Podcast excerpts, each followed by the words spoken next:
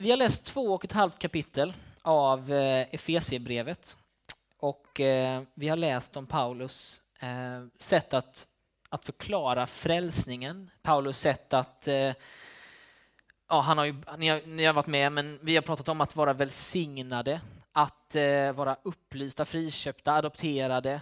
Vi har pratat om att vara utvald och att vara räddad och levandegjord. Och i de här sista verserna de här sista åtta verserna så eh, ska vi läsa om hur vi blir styrkta eller utrustade. Så följ med mig till Efesierbrevet det tredje kapitlet, den 14 till den 21 versen. Därför böjer jag mina knän för Fadern, han från vilken allt vad Fader heter i himmelen och på jorden har sitt namn. Jag ber att han i sin härlighets rikedom ska ge kraft och styrka åt er inre människa genom sin ande och att Kristus genom tron ska bo i era hjärtan och ni ska bli rotade och grundade i kärleken.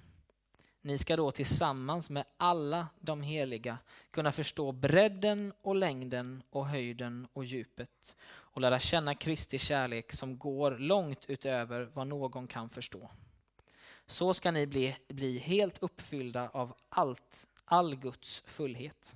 Han som förmår göra långt mer än allt vi ber om eller tänker genom den kraft som mäktigt verkar i oss.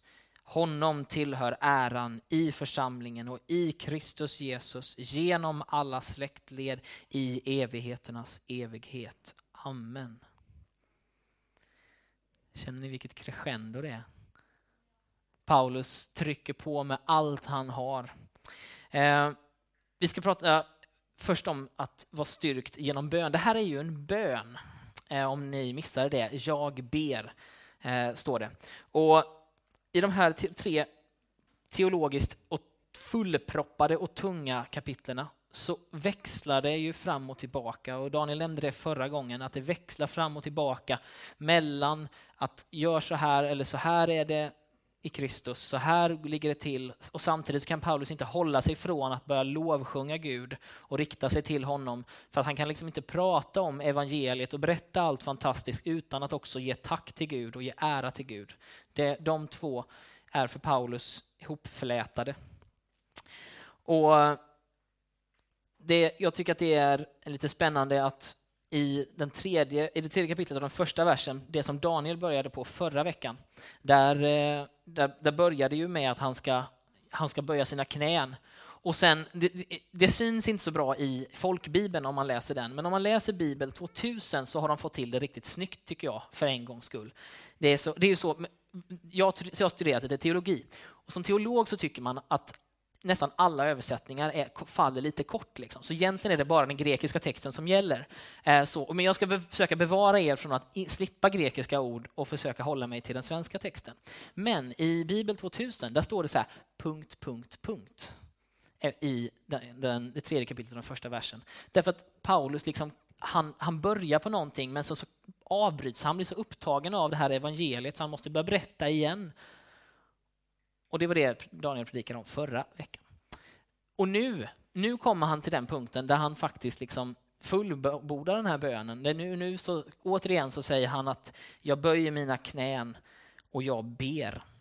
Och han sitter i fängelse. Han har lidit mycket. Han sitter förmodligen i fängelse i Rom och det är förmodligen någonstans år 62. Paulus har ett par år kvar att leva. Det vet han kanske inte om, men, eh, men det är i alla fall så. Och han ber liksom inte om, om att slippa ur fängelse. Han ber inte om att eh, församlingen i Efesos ska bli materiellt rikare. Han ber inte att, eh, de ska, att all, allt ska gå väl för dem rent liksom, att de inte ska bli förföljda eller något sånt. Utan han ber om lite andra prylar. Han ber om att de ska få styrka på insidan så att de kan genomlida sina liv och sin verklighet. Han ber att de ska få lära känna Kristus och förstå hur stor hans kärlek är. Och för mig blir det lite sådär, vet, jag vet inte hur det blir för er när ni hamnar i sådana situationer, men jag känner det ofta att jag lätt ber om ett nytt jobb, en ny bostad, om hälsa eller välgång. Och det är ju inte fel, det är viktigt att säga. Det är inte, vi tror på en Gud som ger mycket av allt det där. Men det är slående att se att Paulus, hans böner handlar sällan om just de där de prylarna, om det materiella, utan han ber om något annat. Um, och det tror jag handlar om att Paulus vet att det är inte ytterst sett det som tillfredsställer oss. Det är inte ytterst sett det som vi kan få genom välgång, framgång, jobb, bostad och allt det. Det är inte det, är inte det som ytterst sett tillfredsställer oss. Utan det är någonting annat. Ehm, och han verkar, jag, jag, tycker när jag läser Paulus att han, det verkar som att Paulus blir tillfredsställd av att han uppoffrar allt för Jesus, att han lever sitt liv fullt ut för Guds rike, att han släpper allting som har varit bakom sig, han kastar allt på sophögen säger han. Han, han, han ger sitt allt för någonting som är längre fram. Och Det verkar som att det är det som får honom att get going. Och då blir jag convicted, för jag känner att jag inte alltid lever mitt liv med just de prioriteringarna. En amerikansk pastor som heter John Piper, han beskriver det här så här. God is most glorified in us when we are most satisfied in him. Och jag, jag, jag gillar det här citatet därför att det säger någonting om, jag vill dock förklara det lite också. Gud är mest glorifierad eller ärad, han får mest ära från oss när vi är mest tillfredsställda, men inte i honom. Det är ganska viktigt att få med den sista. Det handlar inte om att det här, inte, det här är en del i USA kallar det här för kristen hedonism. Eh, och det är kristen hedonism på ett sätt, för att den säger att tillfredsställelse är på ett sätt det yttersta målet. Men det är inte tillfredsställelse i den bemärkelsen att du och jag får allting som vi behöver för att mata vårt eget ego. Utan det är en tillfredsställelse som kommer ifrån att vi lever våra liv till ära till Gud. Eh, och det är en helt annan sak, skulle jag vilja säga. Eh, och det, därför gillar jag det där, för att det eh, säger någonting eh, för mig. När jag hör eh, ett antal predikningar om bön emellanåt så tänker jag ofta att vi hamnar så lätt fel. För jag tycker ofta att jag hör någonting i stil med att bön handlar om att eh, jag ska bli eh, förändrad. Att ja, men Gud ändrar oss genom bön och det gör han. För när man fokuserar på honom så, så blir man ändrad på samma sätt som när man ger bort pengar till någonting så hamnar ens hjärta närmare det. Och när man pratar mycket om en sak så hamnar ens hjärta nära det och sådär. Men jag tror att bön ytterst sett handlar om att saker och ting ska förändras. Jag tror faktiskt att vi ber för att Gud ska förändra. Jag tror att vi, det är det yttersta målet. När vi ber Gud om saker så är det ändå att, att Gud ska förändra någonting. Abraham i, i eh, första Moseboken, han, eh, han dealar med Gud och säger att om du ändå kan hitta några, till, några som är rättfärdiga i Sodom, kan du inte undvika att förstöra det då? Och han får Gud på något sätt att ändra sig, även om vi kanske inte riktigt vet om Gud hade redan bestämt sig för det innan. Men, men det är ändå liksom det som är poängen, att när vi ber, när vi knäpper våra händer eller böjer våra knän eller ber en tyst tanke, så gör vi det för att Gud ska förändra någonting. Och det är precis det som Paulus ber om. Han ber att Gud ska förändra någonting i Efesiernas liv. Och jag tror att också, han också ber faktiskt ytterst sett för dig och mig att han ska förändra, att Gud ska förändra någonting i ditt och mitt hjärta. Um, och jag tror att det handlar om att Gud skulle få bli, och Jesus Kristus skulle få bli det yttersta fokuset i våra liv. Eh, och att han skulle, vi skulle bli styrkta på insidan. Och nu tänkte jag att vi skulle gå vidare och titta på vad det skulle kunna betyda. Eh, styrkta till vår inre människa. Han säger så här, jag ber att han i sin härlighets rikedom ska ge kraft och styrka åt er inre människa genom sin ande och att Kristus genom tron ska bo i era hjärtan och ni ska bli rotade och grundade i kärleken. Eh, vare sig de var, som jag sa innan, fattiga eller förtryckta eller rika. Vi vet inte e-, exakt hur efeserna hade det just vid den här tiden. Men oavsett det så, så är det inte det som är det primära fokuset. Han ber att de ska bli styrkta på insidan. Att, eh, att de ska få någon slags rikedom eller någon slags kraft eller styrka på insidan som, som gör att de, ja, ni hörde ju själva, blir rotade och grundade i kärleken. Att, de, att det leder till att anden flyttar in och att Kristus bor och, i våra hjärtan. Och jag vet inte hur många av er som gått i söndagsskolan någon gång, men jag har gjort det. Eh, och jag gick i söndagsskolan och då fick, fick, man se de här fina bilderna på en flanellograf. Eh, och jag vet att det ordet eh, tycks väldigt främmande för många, men det är en tavla i flanell.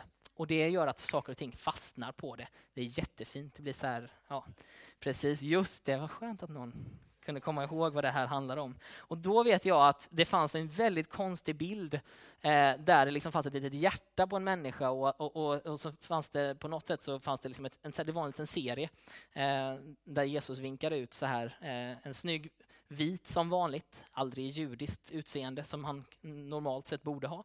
Men eh, ja, eh, och det tror inte jag att det handlar om. Men jag tror att det handlar om att att när Kristus bor i en människas liv så tror jag att det påverkar hur den människan lever och agerar. Och ytterst sett så tror jag att det handlar om att vi blir någonting som liknar Kristus i vår omvärld. Ehm, jag tycker att, eller jag tänker att den här, den här, den här inre styrkan, jag funderar på vad det kan vara. Och så tänker jag typ på sådana här häftiga människor som Martin Luther King Jr. Som, eh, som verkade ha en idé om någonting, alltså en kunskap om att det här med rasism och liksom rasseparering och det här, det är inget bra system. Men det verkar inte som att, att det var det som drev honom ytterst sett. Det var liksom inte bara det, han hade någonting på insidan, en slags passion, någonting som tryckte på. Som gjorde att han vägrade ge upp och som gjorde att han till slut fick offra sitt liv för det. Och så tänker jag på såna, en, en sån här fantastisk kvinna som, som Teresa av Calcutta, som, som liksom ger hela sitt liv. Jag menar, hon, hon, måste ha kommit till så många punkter där hon ville ge upp, liksom, rent mänskligt. Men så har man någonting på insidan som får en att pusha framåt. Som, liksom, som får en att stå upp när stormen kommer, när, när allting slår emot en, när livet bara kraschar så, liksom, så finns det någonting som gör att man reser sig igen. Det finns någon slags inre styrka.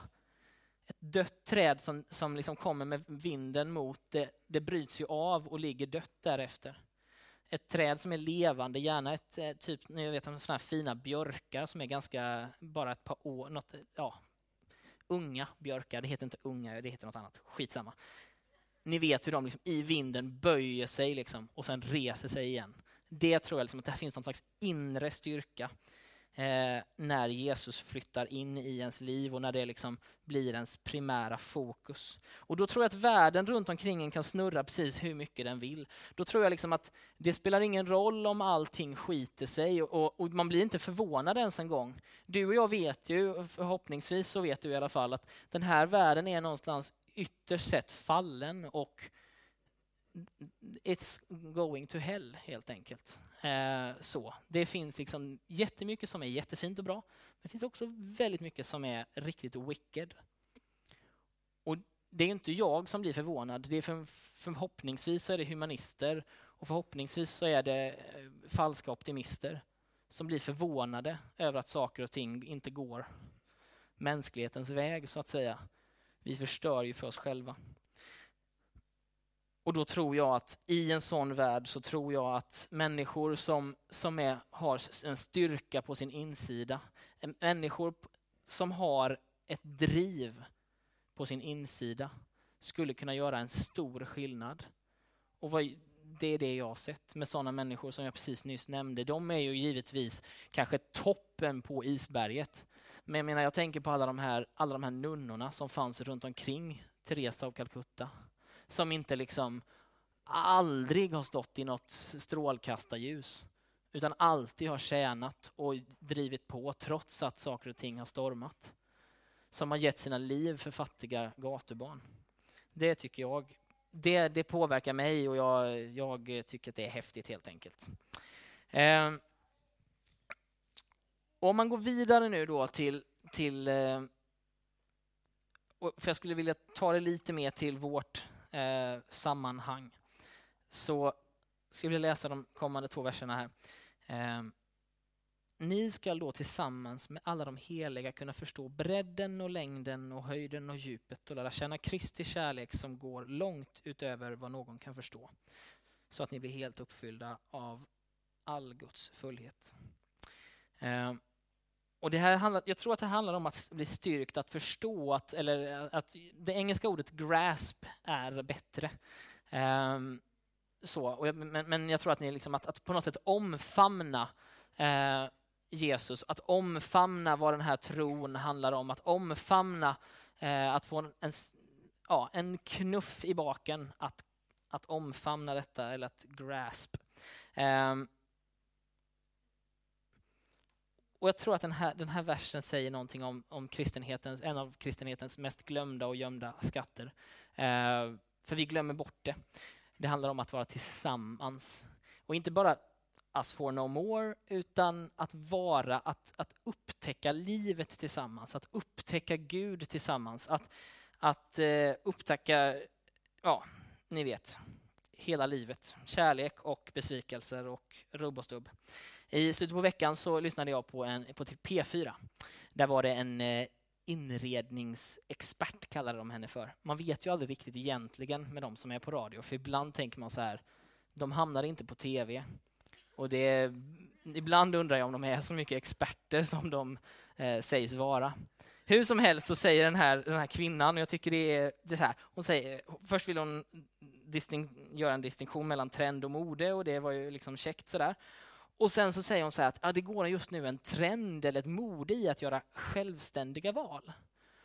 Och så tänkte jag så här att hon måste ha missat upplysningen för 300 år sedan. Hon måste ha missat att hela vår kultur handlar om individualismen. Att allting vi lever, andas, äter och gör är till vår egen ära. Eh, hon måste ha missat att framförallt att vi i Sverige har liksom någon slags kulturell eh, syndigt begär till att bara jag. Eh, så. Hon måste totalt ha missat dig i alla fall, för det, det tydligen så går en, en trend i det här just nu. Eh, och, och, och, det bästa eh, rådet hon därför hade liksom när det kom till inredning var att du får välja själv. Eh, och då kände jag, det var där någonstans jag kände så här, det här med expert, alltså, jag undrar om hur mycket hon expert hon var. Eh, så. Eh, men jag tycker att det blir, eh, och det blir ännu mer det här. Eh, jag sa det till Klara, min fru, innan, jag, innan vi gick hit, att jag kommer få skit för det här jag säger nu. Men nu har jag sagt det innan så jag försöker undvika det. Jag såg på en film för ett antal år sedan. Den heter Sex and the City. Jag har inte sett avsnitten, jag har bara sett filmen. Jag blev tvingad till det. Men en sak som fastnade hos mig. Konstigt nog så fastnade just den här. Men Samantha Jones, hon utbrister I'm gonna say the one thing you aren't supposed to say. I love you. But I love me more. I've been in a relationship with myself for 49 years and that's the one I need to work on now. Uh, och, och, och, nej men, och hon, är ju, hon är ju extremen, epitomin av liksom det, givetvis. Jag är helt med på att det är liksom, du har aldrig tänkt så, jag fattar det. Men, men det är ändå någonstans, alltså det finns ju ändå något liksom eh, sjukt i hur liksom fast vi är i oss själva. Och, och någonstans så är ju alla de här självhjälpsböckerna som, ni, som man hittar, särskilt typ så på Walmart i USA, det är ju eh, ja, men där sitter ju också några av mina kristna bröder och systrar med deras ansikten och säger att eh, så här kan du eh, liksom förverkliga dig själv och, och, Jesus, tror jag, bara säger du måste komma över dig själv. Du måste bara släppa taget och leva för någonting lite större. Eh, så. Och för att och jag tror så här, individualismens största problem, det är att den lämnar oss ensamma. Vi är ensamma med våra val, vi är ensamma i livet.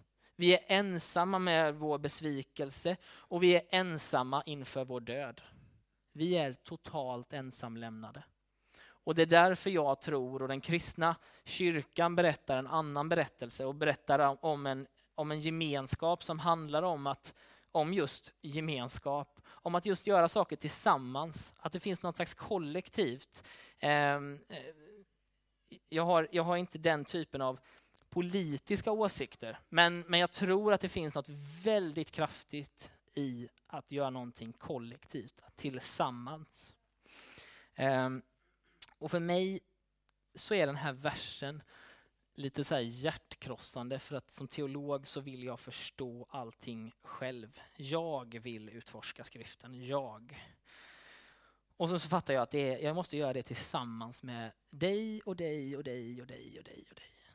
Jag måste fatta Gud tillsammans med er, annars så är det kört. Ehm, jag måste utforska livet, Gud, kärleken, hoppet, besvikelserna i den här gemenskapen. I en kristen gemenskap. Och därför uppmanar jag, inte bara jag, utan vi dig, att vara här på gudstjänsterna så ofta du kan. Inte främst för att du kommer liksom lära dig mer om Guds storhet, för det kommer du göra. Men för att du bidrar med någonting som inte någon annan bidrar med. Och din förståelse av Gud lägger pusslet för oss andra. Och när du inte är här, när du inte dyker upp och när du inte berättar din historia som du har varit med om i veckan. Så jag ska inte säga att det rånar mig på min möjlighet till att förstå Gud lite bättre, men det är åt det hållet. Eh, så. så jag vill bara utmana er, kom igen. Var här, var med, dela med dig. För om du inte gör det så kommer jag stanna i min förståelse av vem Kristus är. Och jag kommer, inte, jag kommer förstå mindre av hans kärlek om inte jag förstår den genom dig. Cyprianus, en eh, biskop i Kartago. Alltså ni, ni förstår inte hur, eh, hur, eh, hur mycket man älskar sånt här som teolog. Men det här, det här är genialiskt. Eh, den som inte har kyrkan som sin moder kan inte ha Gud till sin fader.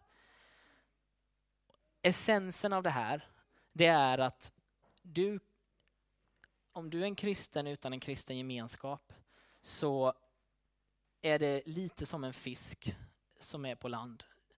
Du lever, kippar efter andan och är mycket snart död. Och jag är helt övertygad om att det kristna livet måste levas i kristen gemenskap. Annars så tror jag att man är körd. För livet är för tufft. Livet är för svårt för att man ska orka.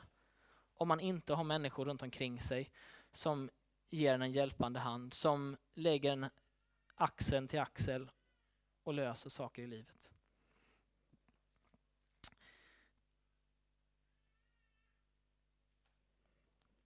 Mm.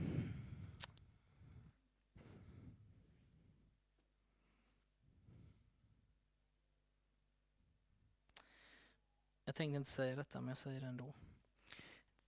Det finns ett, i, i, Daniel har berättat om det lite grann innan, men det finns ett, eh, det finns ett tempel, eller fanns ett tempel i eh, Efesos.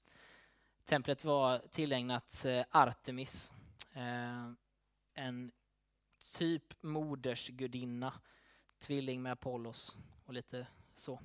Eh, I i Apostlagärningarna så berättas det att, eh, det här, att eh, Artemis hade fallit ner från himmelen eh, och eh, sådär. Det finns massa sådana berättelser om det. Det var i alla fall ett av världens sju underverk på den tiden. Det var eh, och, och, det var enligt de som eh, då bestämde så att säga om de där underverken, vem det nu är som har den kommittén. Men eh, hur som helst så, så berättar de att det var, det, liksom, det var mästerverket, det var det som var längst upp. Kolossen eh, i, på Rhodos och, och de andra, liksom Keopspyramiden eller vilken pyramid det nu var eh, trädgårdarna i Babylon och de andra, de bleknade jämfört med Artemis-templet. Och då kan man någonstans förstå hur svårt det måste varit att i, i, liksom, i skuggan av det bedriva en, en kristen församling, en församling som var en motkultur och som levde för något annat. Och I alla fall så är det så att det här templet det var så fantastiskt stort. Eh, så att jag, jag vet inte om det är så här, men jag, jag, tror att det finns en, en rimlighet i att Eh, Eh, och det finns ett antal andra som skriver böcker som också tycker att det finns en rimlighet i att det är precis det Paulus liksom vill ta spjärn mot och säga så här att, att ni ska förstå längden och höjden och bredden och djupet av Kristi kärlek. Ni ska förstå det, inte, inte liksom det, här, det, här, det är inte det här templet som står här som är jättebrett och jättedjupt och jättehögt. Och, ja, men sådär, va? Utan ni ska förstå det. Um, ni ska förstå Kristi kärlek som är långt, långt mycket större än så. Och så säger han, ni vet de här orden, eh,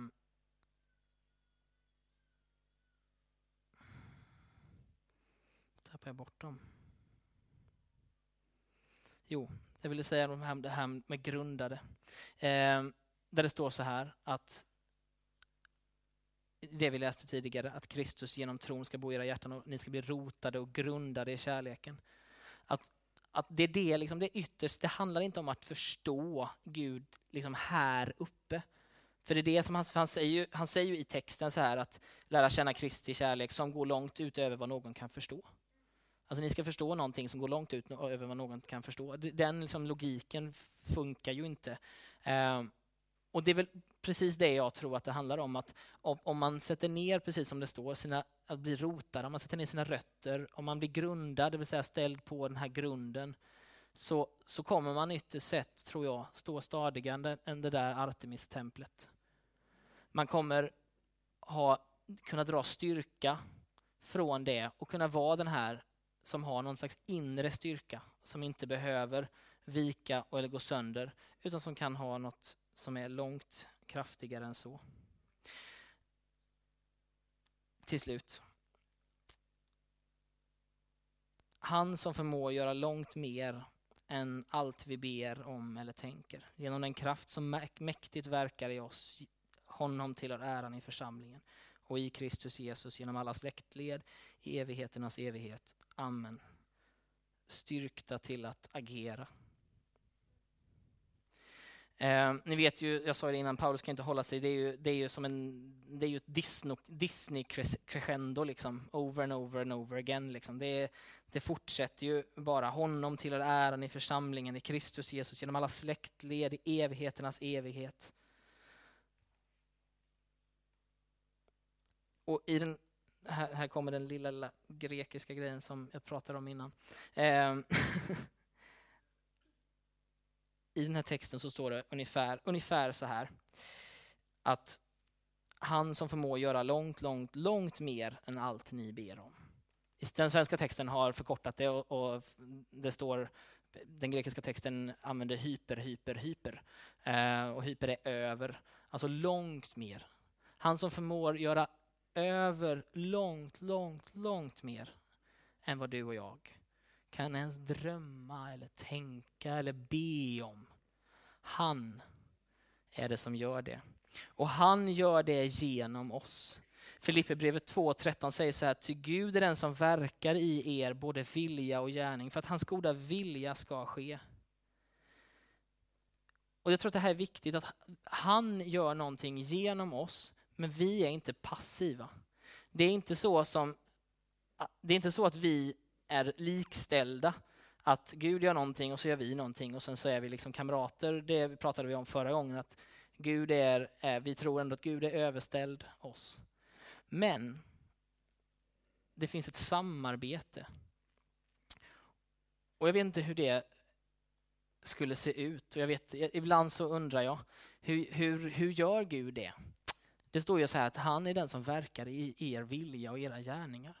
Hur gör han det? Jag tycker att jag, det jag vill och det jag gör, det tänker jag att det är bara jag som vill och gör det, så att säga. Men han verkar i det på något sätt och han, han är den som förmår göra långt mer än det jag vill. Han är den som förmår göra långt mer än det jag kan tänka eller det som är liksom på min horisont. Han går längre än så. Och det är det som eh, de kommande kapitlen handlar om mycket. Att agera, att göra, att eh, låta det, allt det vi har lärt oss om att vi har blivit välsignade, att vi har blivit adopterade, utvalda, levandegjorda, frälsta. Allt det syftar till att, att liksom komma ner och låta the rubber hit the road. Allt det handlar om att, att inkorporera oss till Gud så att vi sen kan göra i den här världen det som Kristus gjorde i den här världen. Ehm, och Paulus önskar helt enkelt att Efesierna skulle förstå det här. Så att de själva skulle kunna agera utifrån det faktum att Gud förmår mer. Och det sker inte för vår egen skull, det sker för att Gud ska få sin ära genom församlingen. Det sker för att Gud ska få sin ära genom Kristus Jesus. Det sker för att Gud ska få sin ära genom alla folkslag över hela världen och det sker för att Gud ska få sin ära genom alla tider i evigheternas evighet. Och det finns i den här texten precis de här spänningarna. Att vi ska lära känna kärleken som är djupare och större och bredare och högre och allt. Va? Och sen så ska, ska Gud få äran genom församlingen här i, i den här i in our midst. Han ska få ära genom det Kristus Jesus har gjort på korset. Och han ska få ära genom alla släktled över hela världen. Och han ska få ära i alla tider. Och det finns liksom, ja, ni ser de här eh, pilarna som går åt alla håll. Som i alla fall i mitt huvud så går det pilar åt alla håll. Eh, så. Eh, Paulus bön är helt enkelt att vi ska bli styrkta så att vi blir vad vi redan är. Tänk på den. Så att vi blir vad vi redan är. Gud har redan gjort någonting. Det är precis det vi har, vi har matat det i, tre, i elva veckor. Gud har redan gjort någonting. Han har redan, redan räddat, frälst, välsignat, adopterat, hela den här grejen. Och, och nu vill han att det skulle liksom få liv i våra liv. Han vill att det skulle få hända någonting utifrån det. Inte så att vi sitter på en stol och känner vad härligt det är att vara välsignad. Vad härligt det är att vara adopterad. Utan förståelsen av att det finns människor som ännu inte har förstått att de kan vara adopterade. Förståelsen av att det finns människor som inte ännu är välsignade. Trots att Kristus redan har gett allting så finns det människor som inte liksom har kunnat tillgodogöra sig det. Och där finns det ett, det finns ett glapp där och som jag tror att den här texten säger att du och jag får vara det som fyller i det glappet. När Gud handlar i vår värld så gör han inte det bara genom att han liksom knäpper med fingrarna och får saker gjort. Utan han agerar genom människor som är drivna av en inre övertygelse, drivna av en inre styrka och, driv, och i allt vår, all vår framfart gör det i kärlek förståelsen som vi tillsammans här fattar vad Gud har gjort och är. För mig är den här texten eh, spännande, helt enkelt. Därför att den handlar om just, just de här bitarna. Att, att kunna komma någonstans, att, att inte bara stå fast och stå kvar i det som jag i alla fall tänker att jag ibland hamnar i. Att leva liksom i att, ah, vad härligt. Utan liksom få det här, det här luta sig framåt, det är det det handlar om. Att luta sig in i det som är och ja, ni vet ju Daniels dotter Bianca började cykla. Det, det krävs liksom att man liksom vågar trycka ifrån för att lära sig gå så krävs det att man först reser sig och sen att man vågar ta det här steget. Som, för det, man, man går ju inte så här, utan man, man lutar ju sig in i sin framtid. Och det tror jag Gud utmanar oss till att göra. Jag tror att Gud utmanar oss till att luta oss in i den framtiden med allt i det här i ryggen, med allt av liksom wow, vi, vilken identitet och allt av liksom vilken kraft. Och sen kliva in i den verkligheten. Och exakt hur det ser ut för dig, det vet inte jag. Men jag vet att för mig så är det, är det en utmaning att, att eh, få det att hända. Jag vet inte hur det är för er. Eh, men, men för mig är det en utmaning att få det att hända. Eh, jag är en sån som tycker om att säga saker och att eh, prata. Och jag önskar att ibland skulle hända. Att ibland... Och, och, och som, jag vet som sagt, jag vet inte vad det är vad det handlar om i ditt liv. Men du som jag går säkert runt och tänker att om jag ändå bara gjorde det här. Om jag ändå liksom vågade sätta eh, min tillit till Kristus. Om jag ändå vågade ge lite mer av min energi och min längtan till människor. Om jag vågade öppna mig själv lite mer på glänt. Och då skulle jag vilja utmana dig att göra det. Så att Gud kan få verka i det. Så att Gud kan få verka i din rörelse framåt så att människor runt omkring dig kan få tag på det som, som du har.